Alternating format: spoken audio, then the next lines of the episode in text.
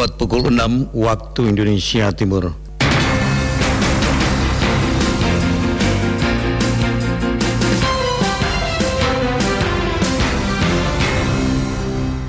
Radio Republik Indonesia Fak-Fak menyampaikan warta berita daerah. Itu harus dilaksanakan terus. Kalau masyarakat bisa laksanakan itu baik, saya hakul yakin insya Allah kita keadaan semakin baik dari segi corona kita minta membawa masker cadangan dari rumah karena kan masker hanya bisa dipakai 4 jam ya masker kain. Nah, kita minta untuk orang tua juga membantu kami mengingatkan anak-anak kita untuk dari rumah bersiap seperti itu dengan protokol covid.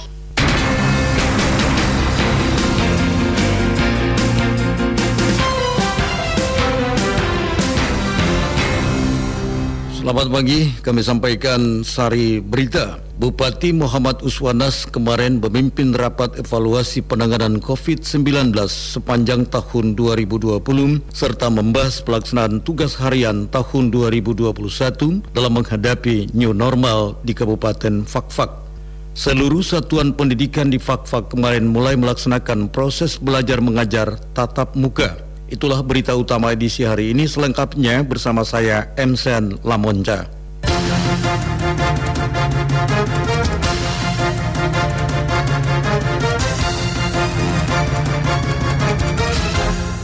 Kami sampaikan berita pertama, Saudara Bupati Muhammad Uswanas kemarin memimpin rapat evaluasi penanganan COVID-19 sepanjang tahun 2020 serta membahas pelaksanaan tugas harian tahun 2021 dalam menghadapi new normal di Kabupaten Fakfak. Rapat yang berlangsung di Gedung Winder Tuareg ini guna mendengarkan langsung laporan dari instansi terkait tentang strategi penanganan COVID-19 di berbagai sektor. Kepada RRI, Bupati Muhammad Uswanas mengatakan evaluasi ini sebagai langkah untuk membangun persepsi penanganan dan pengendalian COVID-19 di daerah ini. Sementara mengenai sistem belajar di tengah pandemi COVID-19 di tahun 2021 ini, Bupati mengungkapkan untuk pendidikan akan dipetahkan daerah-daerah mana yang perlu dilakukan daring atau luruk yang paling penting menurut Bupati adalah penerapan protokol kesehatan mulai dari diri sendiri dan lingkungan keluarga masing-masing. Kita rapat melakukan evaluasi pertama akhir tahun. Kita kan kemarin karena kesibukan maka tidak sempat. Sekarang kita rapat untuk melakukan evaluasi corona akhir tahun. Kemudian bagaimana persepsi dalam membangun strategi pengendalian corona fak-fak tahun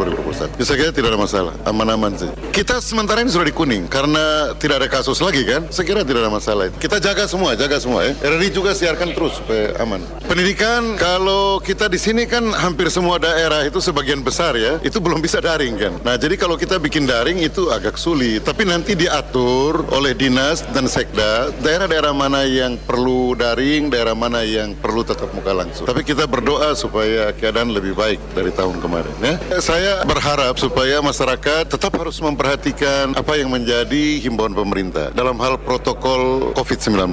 Ya. Jadi itu tidak main-main itu. Jaga jarak, kemudian yang kedua pakai masker, cuci tangan, hindari kerumunan, dan berlakukan pola hidup bersih dan sehat. Itu harus dilaksanakan terus. Kalau masyarakat bisa laksanakan itu baik, saya hakul yakin insya Allah kita keadaan semakin baik dari segi corona. Rapat evaluasi yang dipimpin langsung oleh Bupati Muhammad Uswanas selaku Ketua Satgas Penanganan COVID-19 Kabupaten Fakfak membahas lima agenda penting yaitu laporan kondisi terakhir COVID-19 di Kabupaten Fakfak, perencanaan juknis pelaksanaan vaksinasi, pelaksanaan kegiatan belajar mengajar dalam menghadapi new normal, serta persyaratan pelaku perjalanan untuk Kabupaten Fakfak.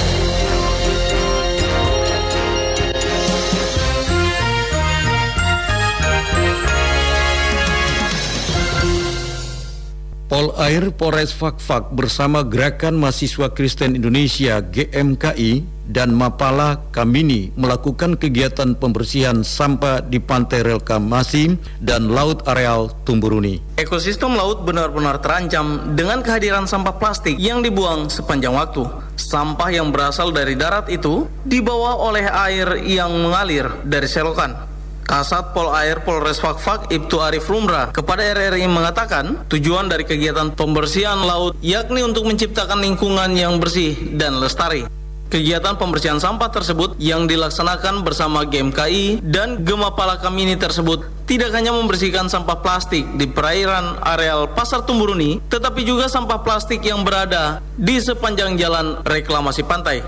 Pembersihan pelaksanaan itu kami beri judul dengan aksi lab yaitu lihat, ambil, buang. Kemudian kegiatan kami yang kami lakukan di daerah lokasi daerah Pasar Tumburuni pantai-pantai di lokasi Tamburuni sampai di telah kami uh, temukan yaitu tem, uh, uh, itu apa barang barang bekas sampah berupa botol plastik kemudian pampers kemudian karung-karung itu seharusnya tidak boleh dibuang ke laut karena itu sangat mengganggu uh, kebersihan laut terutama kemudian kaitannya dengan terumbu karang, kemudian ikan yang ada di perairan Kabupaten Papua. Kurang lebih sampah sekitar 16 atau 17 karung itu. Kemudian kami mengarahkan mobil bak sampah eh, kerjasama dengan PU untuk mengangkut sampah-sampah tersebut agar dibuang ke tempat sampah yang sudah disediakan oleh pemerintah daerah. Kasat Polair Arif Rumrah mengungkapkan kegiatan pembersihan pantai bukan saja merupakan tanggung jawab GMKI, Gema Pala Kamini maupun Polair, tetapi seluruh instansi serta masyarakat agar selalu bersama menjaga lingkungan tetap bersih dengan turut ambil bagian membersihkan sampah yang berada di areal reklamasi maupun sampah plastik di laut. Ke depan laut atau pantai ini bukan tugas pokok saja itu Satpol Air atau Angkatan Laut atau Perikanan. Namun semua instansi, semua masyarakat yang ada di Kabupaten Fakfak punya bagian untuk menjaga kebersihan laut maupun pantai. Agar ke depan koordinasi antara instansi, antara fungsi satuan yang ada di Kabupaten Fakfak kita sama-sama menjaga melestarikan pantai laut kita. Sampah plastik yang berada di laut diangkut menggunakan speedboat 1013 milik Satpol Air Polres Fakfak. Dengan telah dibersihkannya sampah yang menumpuk di laut, maka itu Arif Rumram menerangkan Kegiatan bersih pantai dimaksud juga bisa mendukung peraturan pemerintah Republik Indonesia nomor 83 tahun 2018 tentang penanganan sampah laut. Kasat Polair Arif Rumra menghimbau kepada masyarakat yang tinggal berdekatan dengan selokan untuk tidak membuang sampahnya di selokan, melainkan dapat dibakar sehingga tidak terjadi pencemaran lingkungan. Sementara itu, bagi masyarakat yang hendak berkunjung ke pantai reklamasi, agar bersama menjaga kebersihan dengan cara membuang sampah pada tempatnya yang telah tersedia sehingga kota Fakfak tercinta ini selalu bersih dan indah. Budi Rasidi melaporkan.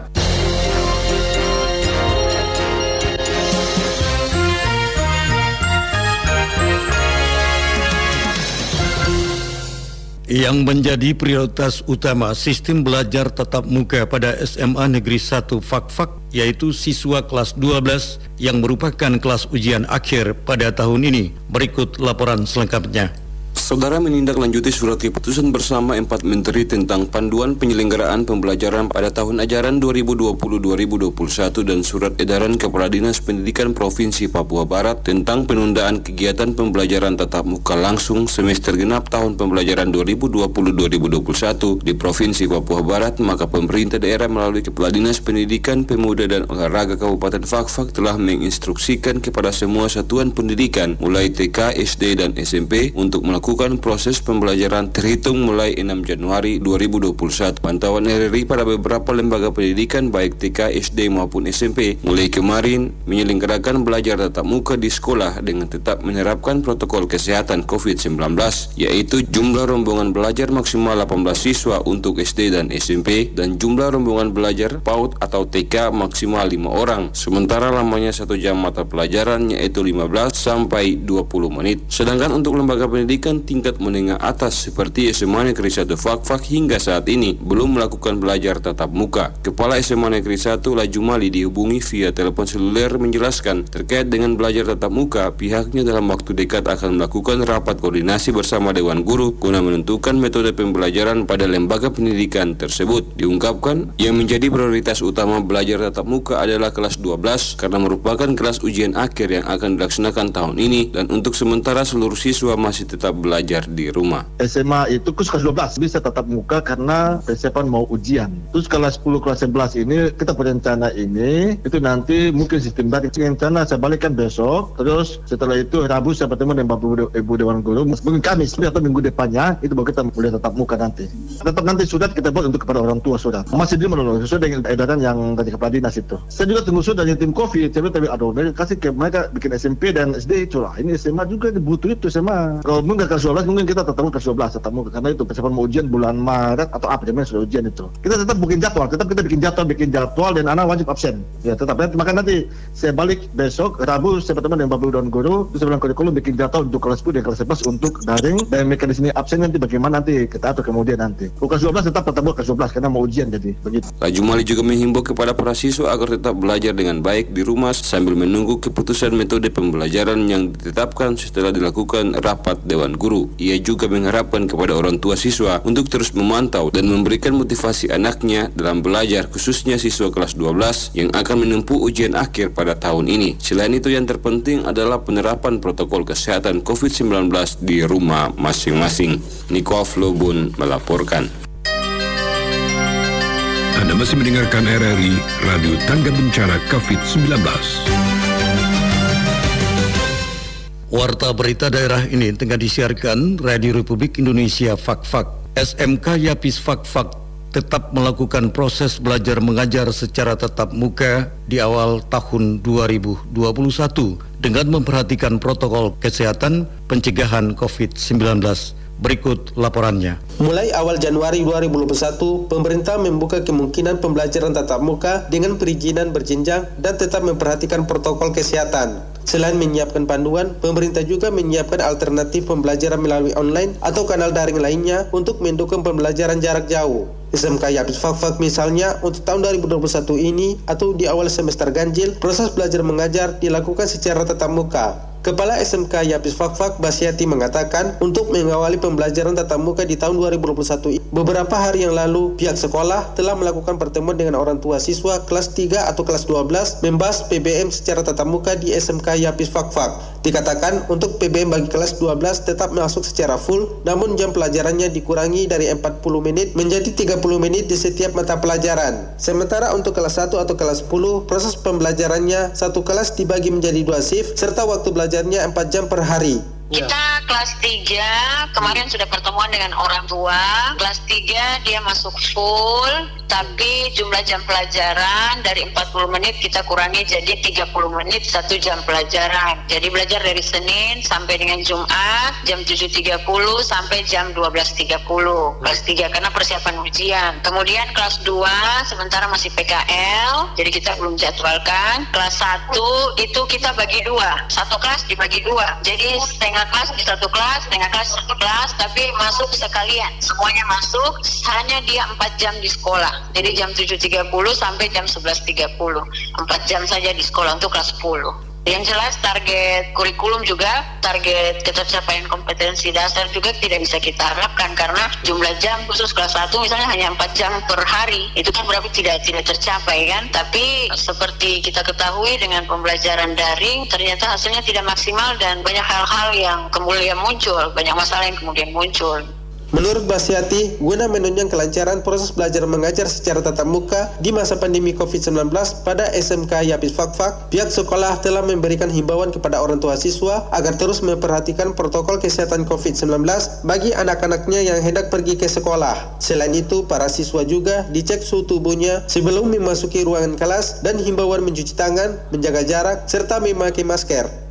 Kita tetap melaksanakan protokol hmm. kesehatan. Kemarin kita sudah meminta kepada orang tua untuk membantu kita juga, membantu kami karena kesepakatannya tatap muka. Jadi orang tua juga harus berperan dalam hal ini untuk mengingatkan anak-anak dari rumah harus pakai masker, datang ke sekolah. Mereka tidak langsung masuk ke kelas, tapi diukur suhunya dulu di depan, di lapangan, kemudian masuk cuci tangan, baru masuk ke kelas wajib bermasker. Yang tidak bermasker langsung kami suruh pulang. Dan kalau untuk kelas 3, karena dia sampai setengah satu, kita minta membawa masker cadangan dari rumah. Karena kan masker hanya bisa dipakai 4 jam ya masker kain. Nah, kita minta untuk orang tua juga membantu kami mengingatkan anak-anak kita untuk dari rumah bersiap seperti itu dengan protokol covid. Ia menambahkan proses belajar mengajar secara tatap muka bagi SMK Yapis Fakfak di awal tahun 2021 ini juga sebagai bentuk belum maksimalnya PBM secara daring atau jarak jauh dari hasil evaluasi pihak sekolah dengan orang tua siswa. Selain itu, pembelajaran tatap muka ini juga adanya persetujuan yang diberikan oleh Dinas Pendidikan Provinsi dan tim gugus tugas COVID-19 Kabupaten Fakfak dengan selalu memperhatikan protokol kesehatan pencegahan COVID-19. Januardi melaporkan.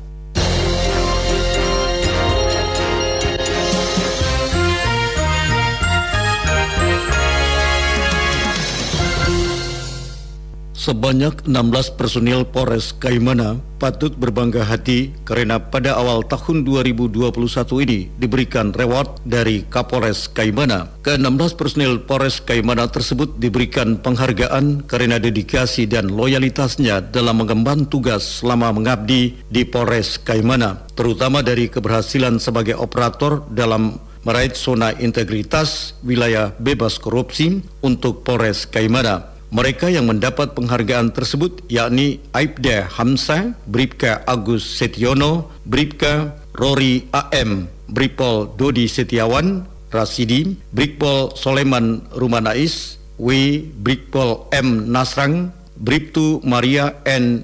Gaweona, Briptu Arif M. Nomor, Bribda Ruhul Musjaib, Bribda Fridolins Bribda Hendra P. dan Bribda M. Julha. Kapolres Kaimana AKBP Iwan P. Manurung ketika memberikan sambutan menyampaikan bahwa penghargaan tersebut diberikan khusus kepada anggota yang berprestasi sejak awal bertugas di Polres Kaimana. Reward ini juga akan terus diberikan kepada para personil di Polres Kaimana yang berprestasi. Oleh sebab itu, ia berharap semua personil dapat mengambil contoh dari ke-16 anggota tersebut sehingga ke depan dapat meraih reward dengan capaian yang baik.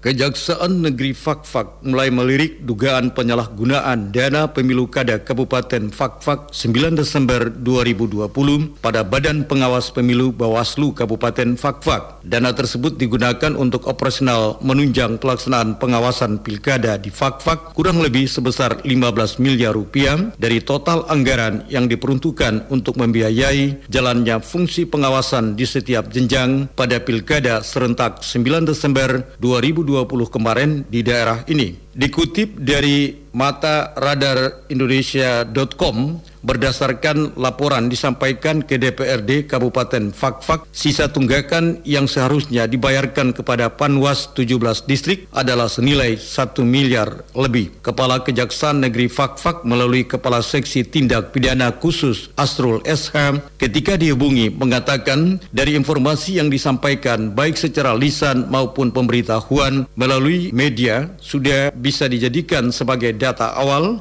untuk melakukan pengumpulan data serta permintaan keterangan, namun pihaknya masih menanti laporan masyarakat di mana dalam laporan tersebut disampaikan secara tertulis sehingga bisa dapat ditindaklanjuti dengan pemanggilan pihak terkait yang diduga terlibat. Menurutnya, dari laporan lisan dan informasi media sudah bisa dijadikan dasar untuk dapat ditindaklanjuti termasuk pihak-pihak yang berkepentingan dalam penggunaan anggaran tersebut untuk dikonfirmasi informasi. Sebelumnya, Ketua Panwas Distrik Fakfak Timur Martin Singgir di hadapan Ketua dan anggota Komisi 3 DPRD Fakfak mengatakan honor Panwas 17 distrik untuk bulan Desember 2020 dan biaya belanja penunjang operasional Panwas distrik untuk tiga bulan yaitu bulan Oktober, November, dan Desember dengan total senilai 1 miliar lebih belum terrealisasi atau belum dibayarkan. Menanggapi persoalan tersebut, Wakil Ketua Pansus Pilkada Marcel Rahamitu sangat menyayangkan hak-hak Panwas yang telah melaksanakan kewajibannya selama tahapan pilkada di Fakfak, namun hingga saat ini belum menerima hak-hak mereka. Menurut Marcelus Rahamitu, Pansus Pilkada DPRD Fakfak akan menganggedakan kembali jadwal RDP dengan Bawaslu Fakfak dalam waktu dekat guna mengungkap alasan Bawaslu belum menyelesaikan hak-hak Panwas 17 distrik di Kabupaten Fakfak. Fuck.